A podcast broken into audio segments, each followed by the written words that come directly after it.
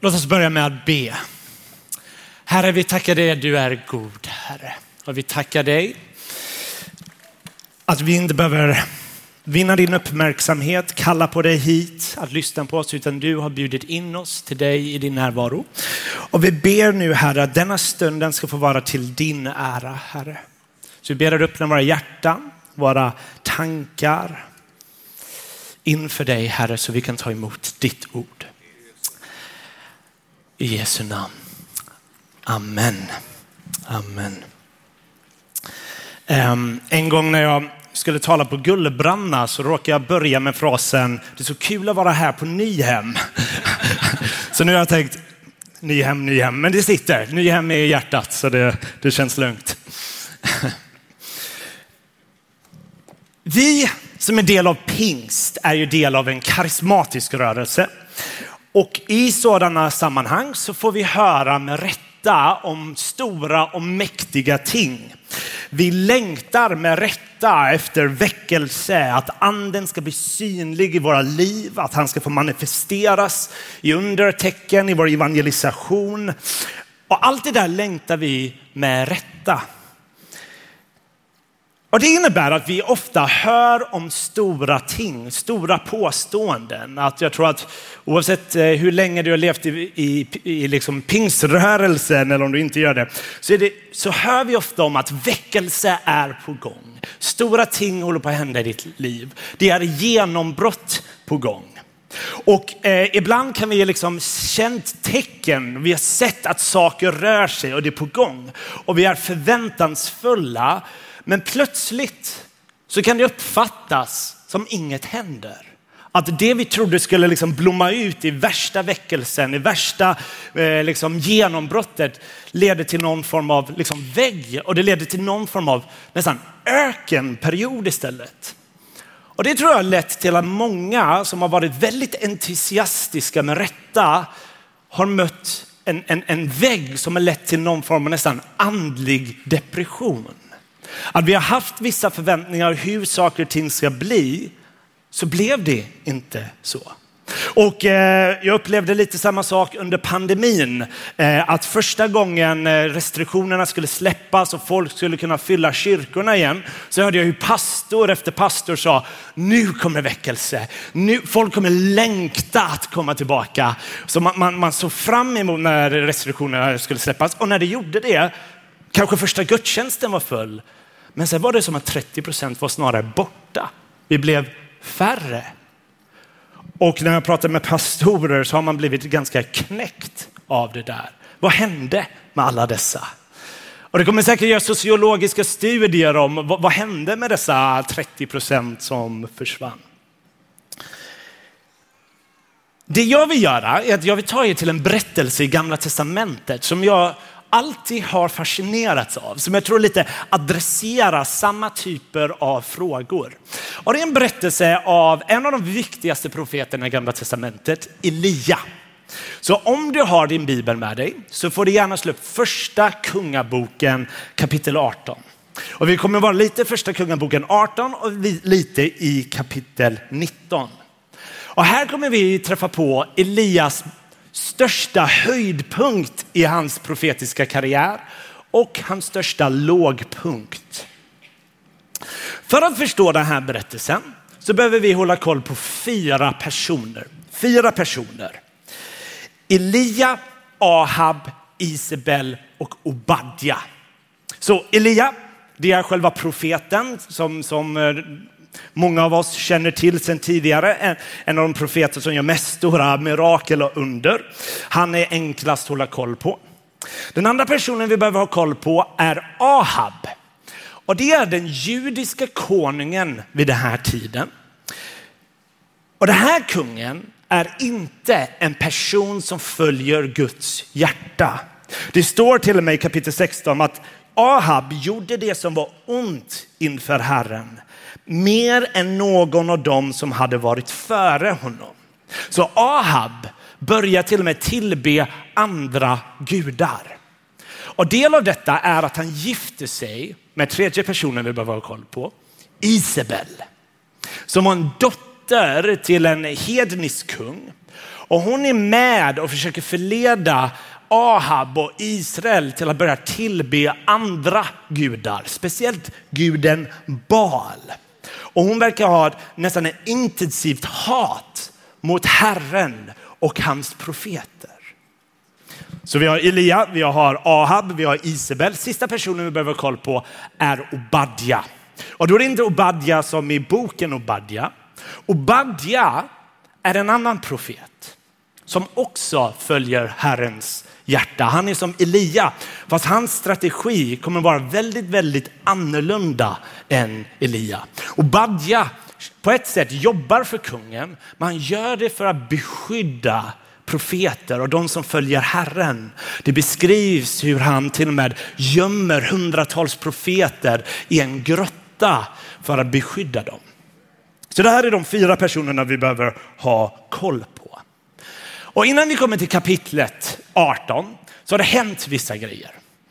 Elia har kommit, gick till Ahab och sagt till Ahab att på grund av att ni vägrar att omvända er, på grund av att ni har valt Baal och dessa falska gudar så kommer Gud stänga himlen i bemärkelsen av att det kommer inte regna mer. Tills Gud säger att det är dags. Och det betyder att himlen är helt liksom, tyst i tre år. Och det ger förödande konsekvenser i, i landet eftersom vatten och regn är nödvändigt för, för att liksom, odling och allt det där ska gå väl. Elia, han flyr Israel under den här perioden, under tre år. Ahab och Isabel är efter Elia och vill döda honom för de, de, de fattar att han ligger bakom det här.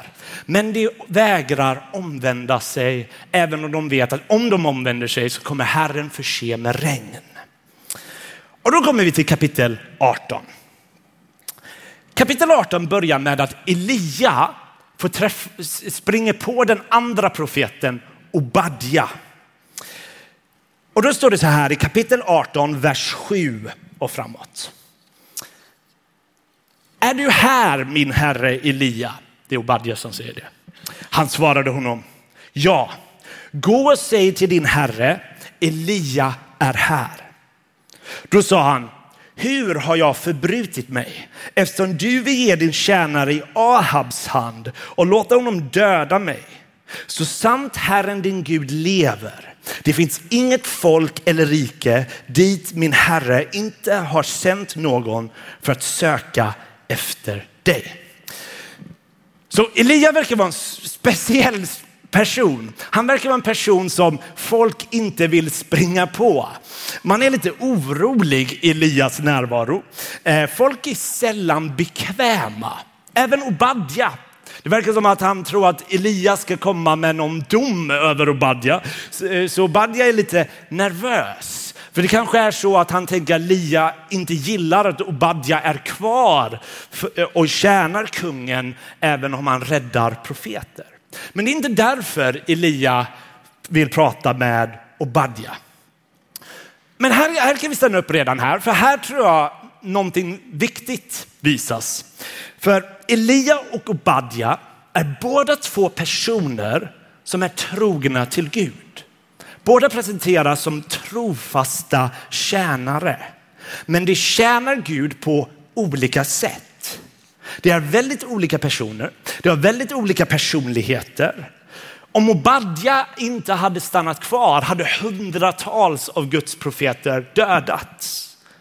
Och då är det viktigt att bara minnas, eh, om vi backar tillbaka lite till oss, liksom, att vi kristna är tänkta att vara olika, även i vårt sätt att, att vara i denna världen. Alla är inte kallade till att vara konfrontativa Elia-figuren eh, som konfronterar öppet och offentligt, även om det finns en viktig plats för de personerna. Vissa är kallade till att vara trofasta tjänare i gudlösa sammanhang. Och Bibeln, inte minst Gamla Testamentet, är fylld av båda typerna. De väldigt konfrontativa och de som är mitt i kaoset och försöker bevara Guds folk i det där. Jag tänker till exempel på Daniel i Daniels bok. Men Obadja säger, jag vill träffa Ahab. Nej, nej, eh, Elia säger, jag vill träffa Ahab. Och Obadja löser det och Elia får träffa Ahab. Och, han, och då har Elia en plan. Han vill bjuda in Ahab till en offentlig duell. En duell mellan Israels gud Javé mot Ahabs gud Baal. Och han säger, Ahab, ta med alla dina profeter. Ta med hundratals Baals profeter och möt mig på berget Karmel. Och låt oss ha en offentlig uppgörelse så vi kan få veta vem är Gud på riktigt. Och då är det bra att veta att Baal var en av de populäraste gudarna vid den här tiden. Han var stormguden. Alltså om man vill ha regn, då är det Bal man hör av sig till. Om man vill undvika blixt och storm, då är det Bal man ska höra av sig till. Så man kan tänka att när folk såg stormar i världen så känns det nästan som någonting främmande, som nästan en kraft som ligger bakom stormarna. Det, det, det är någonting så stort med en storm och blixt. Och då tänkte man, hur får vi så vi motarbetar stormar? Hur får vi så att vi, vi kan få regn när vi behöver det? Jo, vi kliar våra gudar på ryggen så kliar de på våra ryggar. Vi offrar till dem. Och därför var Bal en väldigt, väldigt viktig gud.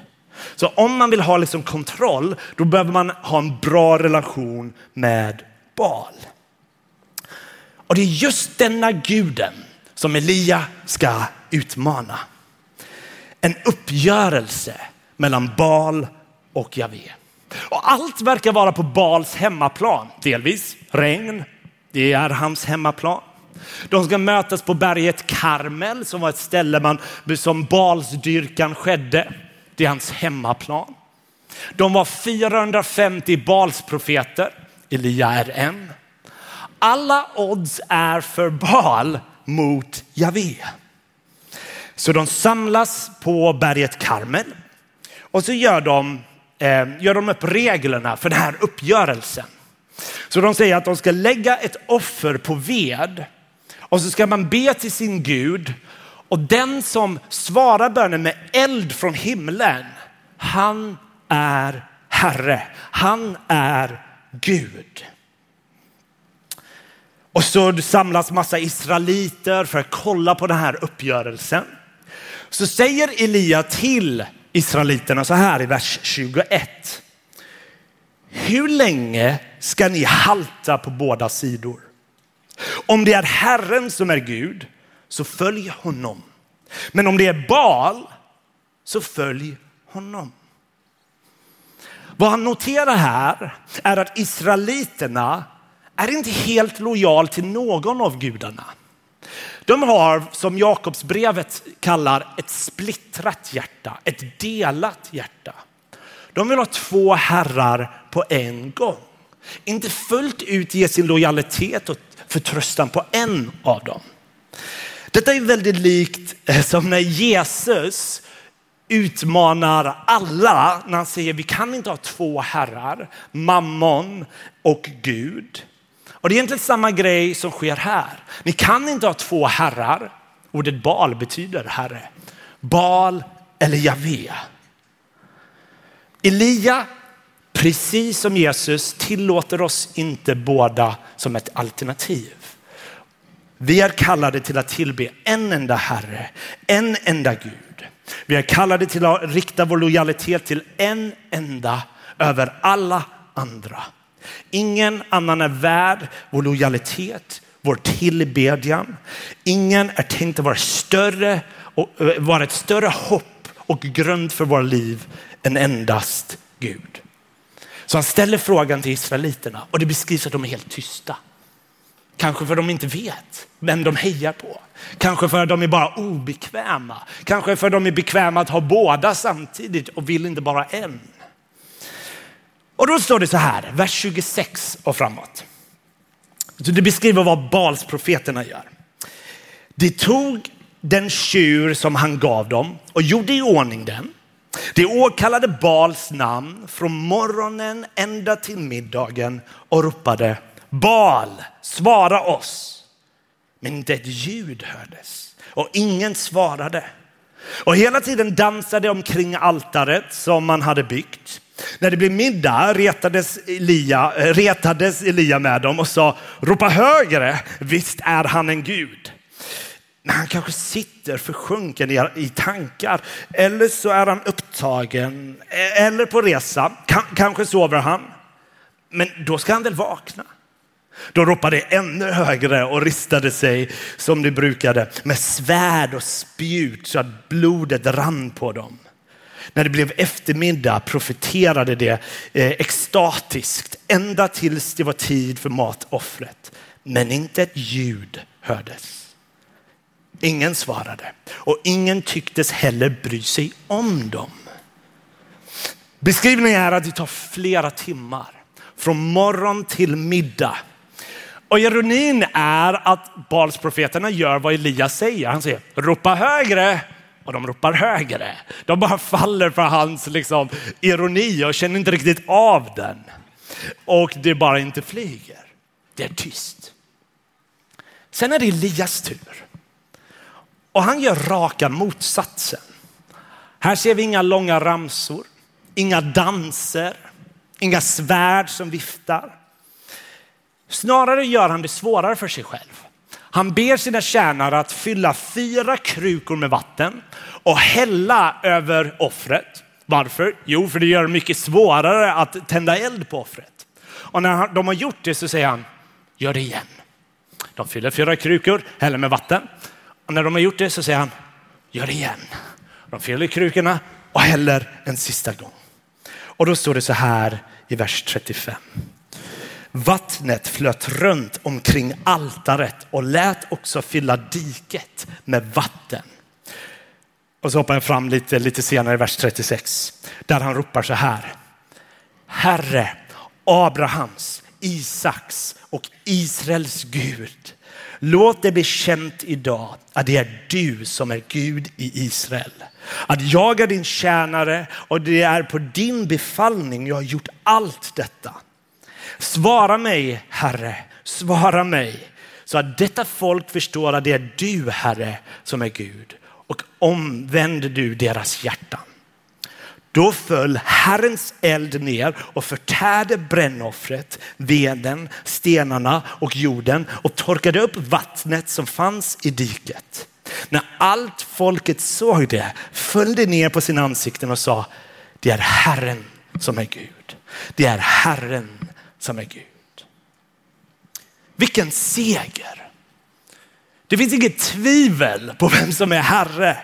Javé har spelat på Bals hemmaplan och Baal har visat vara en icke-existerande Gud, helt inkompetent. Och folket jublar. Och efter en liten stund så beskrivs det efter en liten händelse som han och Ahab gör som ni kan läsa mer om, hur regnet faller från himlen. Och då måste vi förstå att när regnet faller så är det fullkomlig nåd. För det har inte varit en hint av tecken att israeliterna vill omvända sig. Inte en hint om vi har insett att vi har gjort fel. Förlåt, vi omvänder oss. Inte en hint av det där. Det där. Utan ren, av ren nåd så öppnar Gud himlen och låter regn falla igen.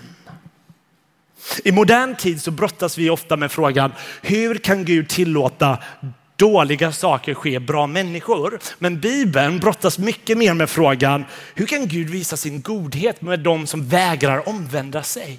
Hur kan han visa sin godhet, sitt regn om och om igen? Och det är det som är viktigt att förstå. Regnet är nåd vid den här stunden. Vilken offentlig seger, vilken demonstration av Guds kraft och makt som ingen kan förneka. Och när någonting sånt här stort händer, då måste man känna väckelse är på gång. Väckelse är på gång. Folk hade till och med sagt det. Herren är Gud. Är det nu som Israel äntligen kommer omvända sig och tillbe Gud? Är det nu som kungafamiljen ska säga upp med sina avgudar och tjäna Herren endast? Det är som att det luktar väckelse. Och man kan nästan läsa i texten att Elia är entusiastisk. Eh, han springer till huvudstaden när han hör att Ahab ska rida dit och på något mirakulöst sätt så är han där innan Ahab. Gud har verkligen gett han kraft. Och här tänker man, nu vänder det. Men bara tre verser in på kapitel 19 så ser vi en Lia som säger så här kapitel 19, vers 3. Elia önskade sig döden och sa, det är nog, Herre. Ta mitt liv, för jag är inte bättre än mina fäder. Vad har hänt på två verser? Vad, vad har hänt från största segern i hans liv till andlig depression? För det visar sig när Ahab kommer hem och berättar för Isabel vad som har hänt, så det visade sig att hon väljer att inte omvända sig. Hon, hennes hat blir bara mer intensivt och det säger att hon svär en ed att hon vill se till att Elia ska dödas dagen efter. Och israeliterna verkar vara kvar med sina gudar. Det är som att de, de fick en bra show och de gillade det och sen gå tillbaka till sina gamla gudar. Som om inget har hänt. Vilket antiklimax. Det måste känns för Elia att han inte har åstadkommit något. Så fort en seger kommer så kommer fienden och attackerar direkt. Och denna besvikelse när han ser att det inte alls blev den respons som han förväntade sig leder till att han blir rädd och flyr till öken själv. Och han väljer att avsäga sig sin roll som profet. Och jag kan tänka mig att kanske i det här rummet, kanske har det varit pastorer i det här rummet som eh, har varit brinnande och verkligen velat se Guds rike eh, framträda i vårt land. Ehm, kanske är det ledare i kyrkor som är här som har också varit med om samma grejer. Men i möte med besvikelse, när kyrkan inte omvänder sig, när kyrkan agerar på märkliga sätt, så har det lett till en djup besvikelse. Där man trodde att det här är Guds riktning och ingen vill följa med. Och inget händer. Då tror jag det kan ske någonting som vi kan kalla andlig depression. Man har haft vissa typer av förväntningar på hur saker ska ske och det blir inte så om man vill ge upp. Jag kan tänka mig att många människor här kanske har sagt att eh, jag vill följa Jesus helhjärtat med allt vad jag är. Men sedan så har man mötts av, man har behandlats på ett sätt, eh, man har mött besvikelse och man orkar inte. Och då börjar bli, allt med kyrka bli ganska jobbigt. Det är jobbiga känslor när det kommer till kyrkan. Det är lite där Elia är, fast gånger tio. Hela Elias karriär har lett till ingenting, uppfattar han det som. Och ensam i öknen så säger han, det är nog, ta mitt liv. Herre, jag är inte bättre än mina fäder vad han har gjort ledde inte till större resultat än hans eh, föregångare. Om elden vid Karmel inte kan förvandla hjärtan, vad kan? Och det är rätt underligt det Elia gör, för det beskrivs att han är rädd så han flyr från Isabel. För att han, han är rädd för att dö, men han är ök, eh, att han, hon ska döda honom. Men när han är i öknen så vill han ändå dö.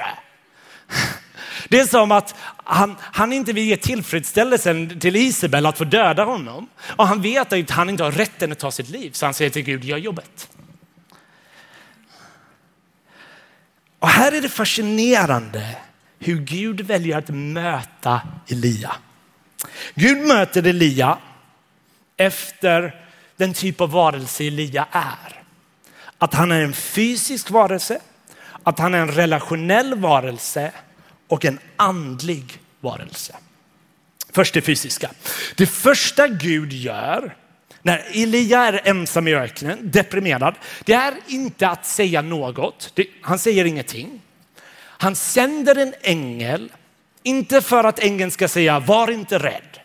Inte heller för att ängeln ska säga jag har ett budskap. Utan för att laga mat. Står i texten. Första Kungaboken 19, vers 5. Men en ängel rörde vid honom och sa till honom, stig upp och ät. När han såg upp fanns det vid huvudänden ett bröd bakat på glödande stenar och en kruka med vatten. Han åt och drack och la sig ner igen. Det är rätt fascinerande tycker jag att Gud tar oss på allvar, den typ av varelse vi är. Att vi är fysiska varelser med fysiska behov. Lär inte Jesus oss trots allt att be för våra dagliga bröd? Alltså vi ber både för våra andliga och våra fysiska behov. För det är väldigt enkelt att tänka att andlighet har inte med det kroppsliga livet att göra. Utan alla andliga svar är be direkt, instant lösningar på olika sätt. Men istället så verkar Gud insistera på att Elias ska få vila, äta mat. Verkligheten är att riktig kristen andlighet involverar våra kroppar. Det, det involverar vårt fysiska liv.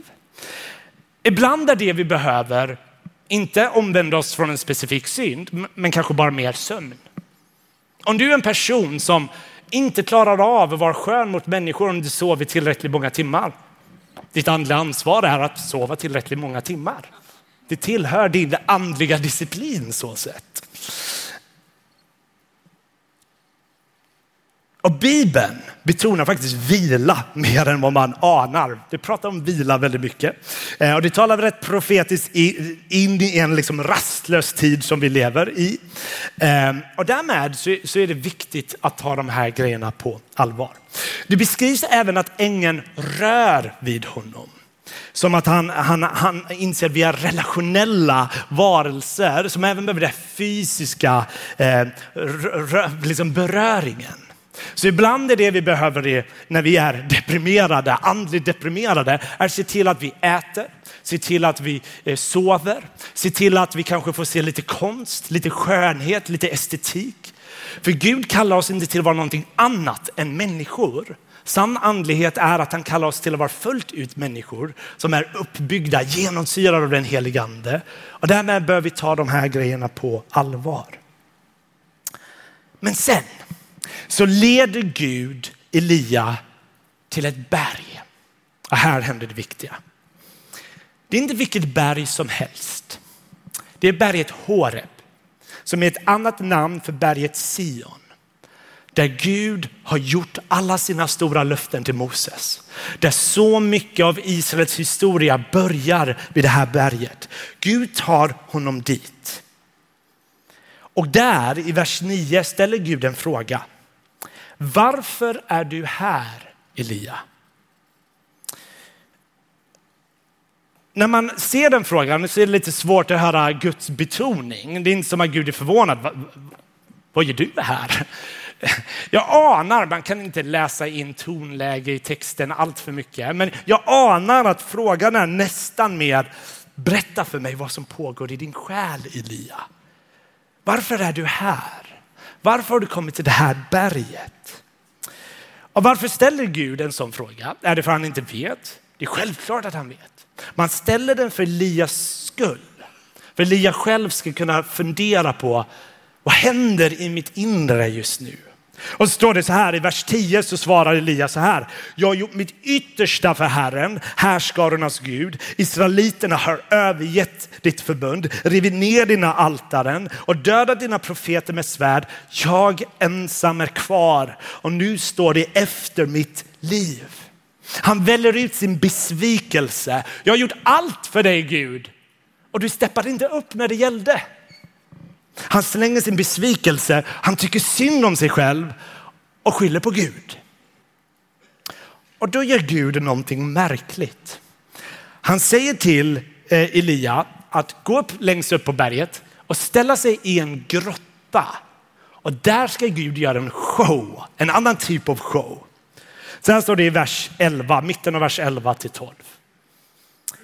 Då gick Herren fram där och en stor stark storm som ryckte loss berg och bröt sönder klippor gick före Herren.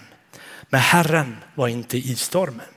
Efter stormen kom en jordbävning, men Herren var inte i jordbävningen. Efter jordbävningen kom en eld, men Herren var inte i elden. Efter elden hördes ljudet av en svag susning. Så Gud verkar göra en rätt stor show. Det är en gigantisk storm och Gud i gamla testamentet brukar ofta uppenbara sig i en storm. Och det måste vara rätt obehagligt för det beskrivs hur det ryckte loss berg och bröt sönder klippor. Det är inte en normal storm som gör det där. Men det beskrivs att Herren var inte i den stormen. Samma grej med jordbävning, det rycker, det är läskigt, men han var inte där. Sen kommer eld precis som det kom på berget Karmel. Men han var inte där. Och till sist så är det ljudet av en svag susning. Vad är det Gud försöker kommunicera till Elia i denna berättelse? När Gud inte kommer i dessa spektakulära händelser. Jag tror att det handlar om att problemet är att Elia har placerat Gud i en box som vi enkelt gör. Och i den här boxen, liksom lådan, så har vi liksom vissa förväntningar på Gud. Som kan leda ibland till en överdriven, osund, naiv optimism. Det finns en underbar optimism som är rätt, som är förväntansfull på vad Gud gör. Den optimismen vill vi ha. Men det finns en annan typ av optimism där vi kanske målar upp en bild av hur Gud måste agera och hur människor måste respondera. Där vi kanske har en form av naiv, osund optimism. Och när saker inte händer som vi har tänkt, då blir det istället en otroligt osund pessimism. Och, där, och då kan det leda till en, en besvikelse där vi är trött på allt med kyrka att göra.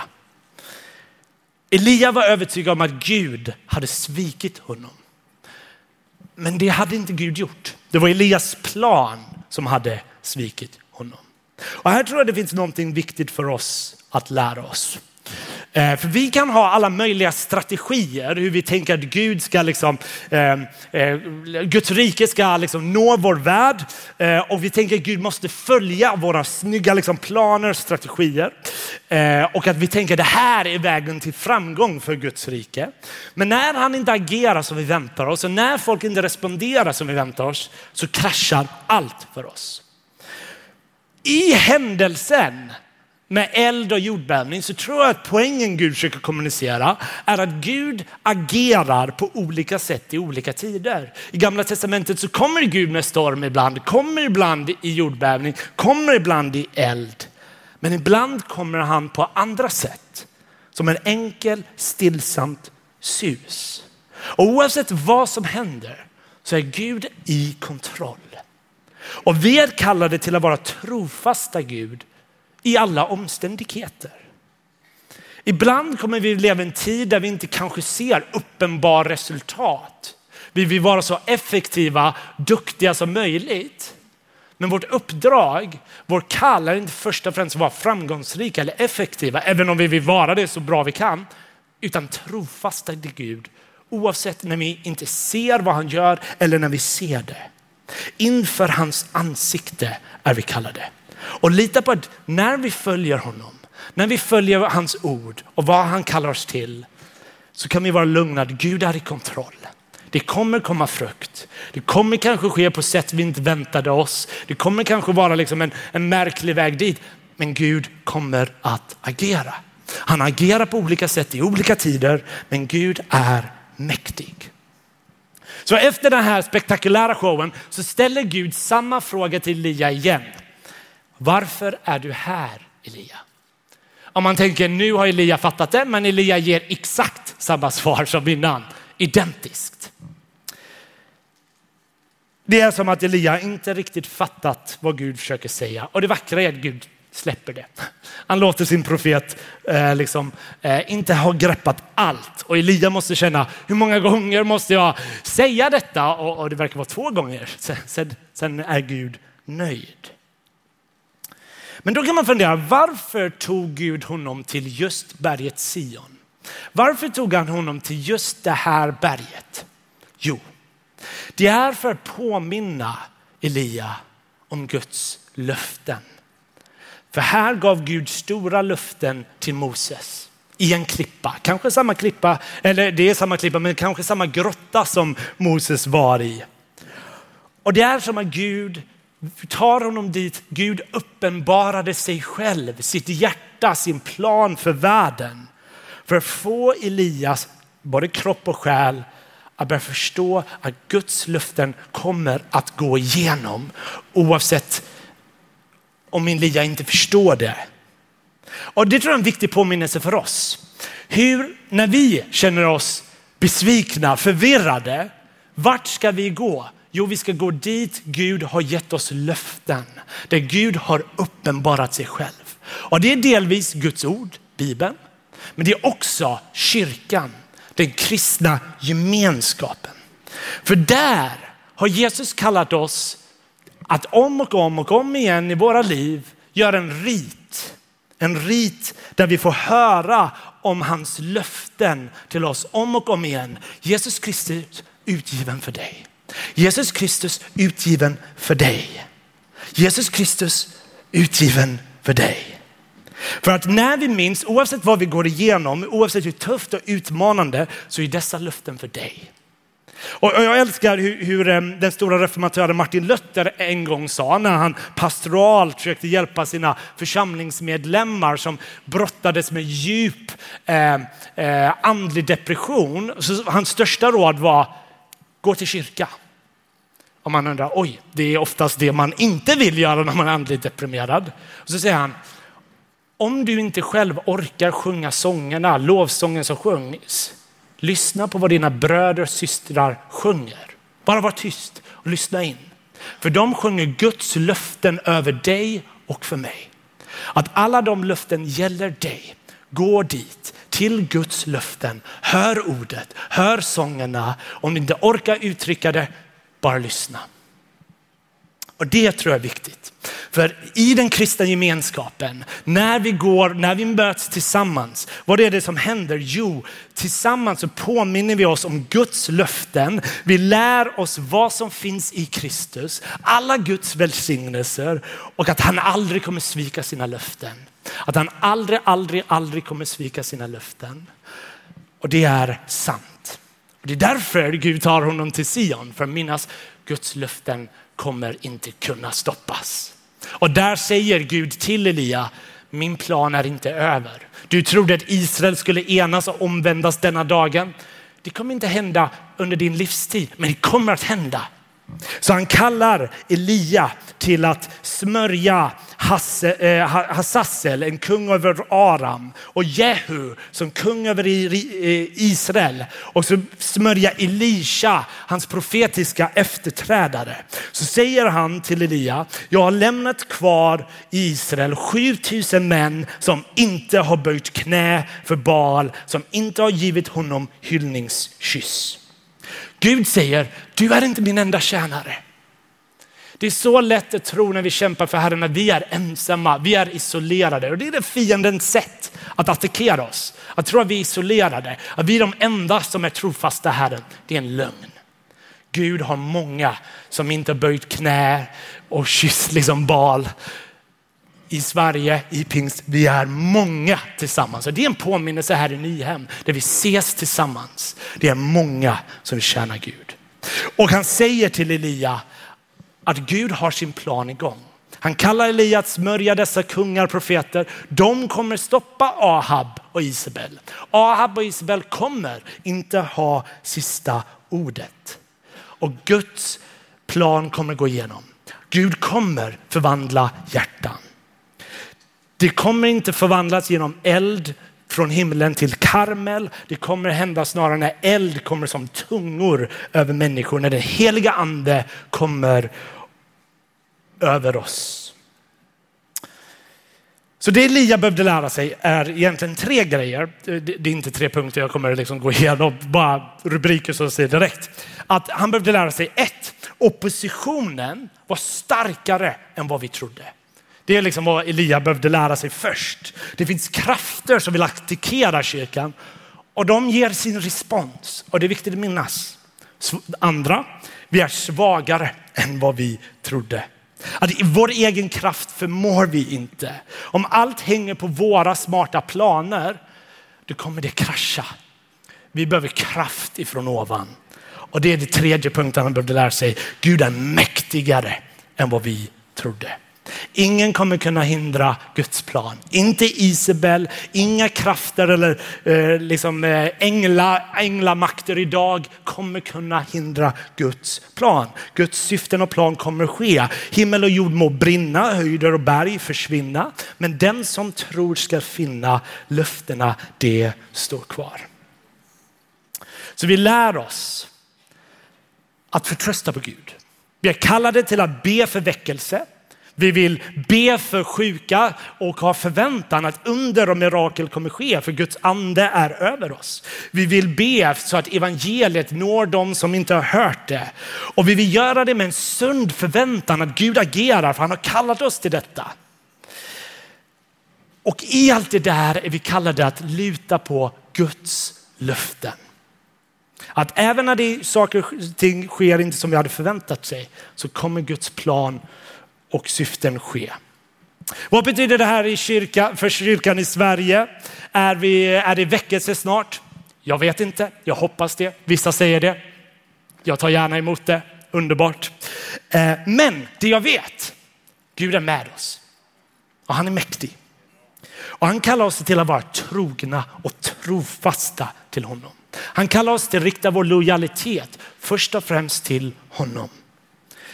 Vi är kallade till att fortsätta det arbete som de före oss har påbörjat. Och en dag kommer vi lämna över arbetet till nästa generation om inte Jesus hinner komma tillbaka. Och genom det där kommer Guds plan och syften för världen gå igenom. Och låt mig börja avrunda med det här. Gud har större planer för oss än vad vi skulle någonsin kunna drömma. Och det fick Elia lära sig en dag. För några sekel senare, flera sekel senare, så skulle han tillsammans med Moses få komma ner från himlen och möta Jesus Kristus på förklaringsberget. För på det berget så fick han se världens hopp, vart världen är på väg. Han fick se Jesus Kristus förhärligad när han lyser vackert. Och då måste han inse att Guds planer och syften för världen var mäktigare än vad han någonsin hade kunnat ana när han stred mot Balsprofeterna. Och att Guds kärlek är så mycket större än vad han någonsin hade kunnat drömma om. Och Guds kraft till att faktiskt förvandla hjärtan är mäktigare och mer effektivt än vad han kunde ana. Guds plan och syften fall, står och faller inte på oss som individer, även om vi alla kallade att spela en roll. Men den stod och föll på en person, Jesus Kristus. Som graven inte kunde hålla fast, som döden inte kunde stoppa. Och med det tror jag vi kan finna tröst. Att Kristus har segrat. All himmelsk välsignelse finns i personen Jesus Kristus. Och han har lovat oss att hans rike kommer triumfera i världen. Han har lovat oss. Så om vi tror på Jesus, om vi tillhör Jesus så har vi löftet att vår framtid är otroligt ljus. Oavsett för mörker, depression du kanske brottas med, din framtid är otroligt ljus. Och den ljuset kan vi ta del av här och nu. Och Gud kommer utrusta oss i alla tider vi träder in. Vad är det för tid vi träder in i nu? Ingen aning. Men Gud kommer utrösta oss och vi är kallade till att vara trogna och trofasta i vad än han kallar oss till. Vi är kallade till att frukta Herren och inte människor och vila i hans löften och hans godhet. Låt oss be. Herre, vi tackar dig, du är god Herre. Och jag ber för mina bröder och systrar, Herre, om det är någon som brottas med andlig depression, Herre, besvikelse, trötthet när det kommer till det andliga, Herre. Herre, vi ber att din heliga ande ska få uppenbara för oss att du är god, du är trofast och du har aldrig svikit oss. Herre, vi ber att du uppfyller oss med vila, med, med liksom tröst och att du kommer med styrka, Herre, och utrusta oss att tjäna dig en ny tid med trofasta hjärtan. Gör ditt verk i oss. Kom med dina eldtungor över våra hjärtan och gör oss nya. I Jesu namn. Amen.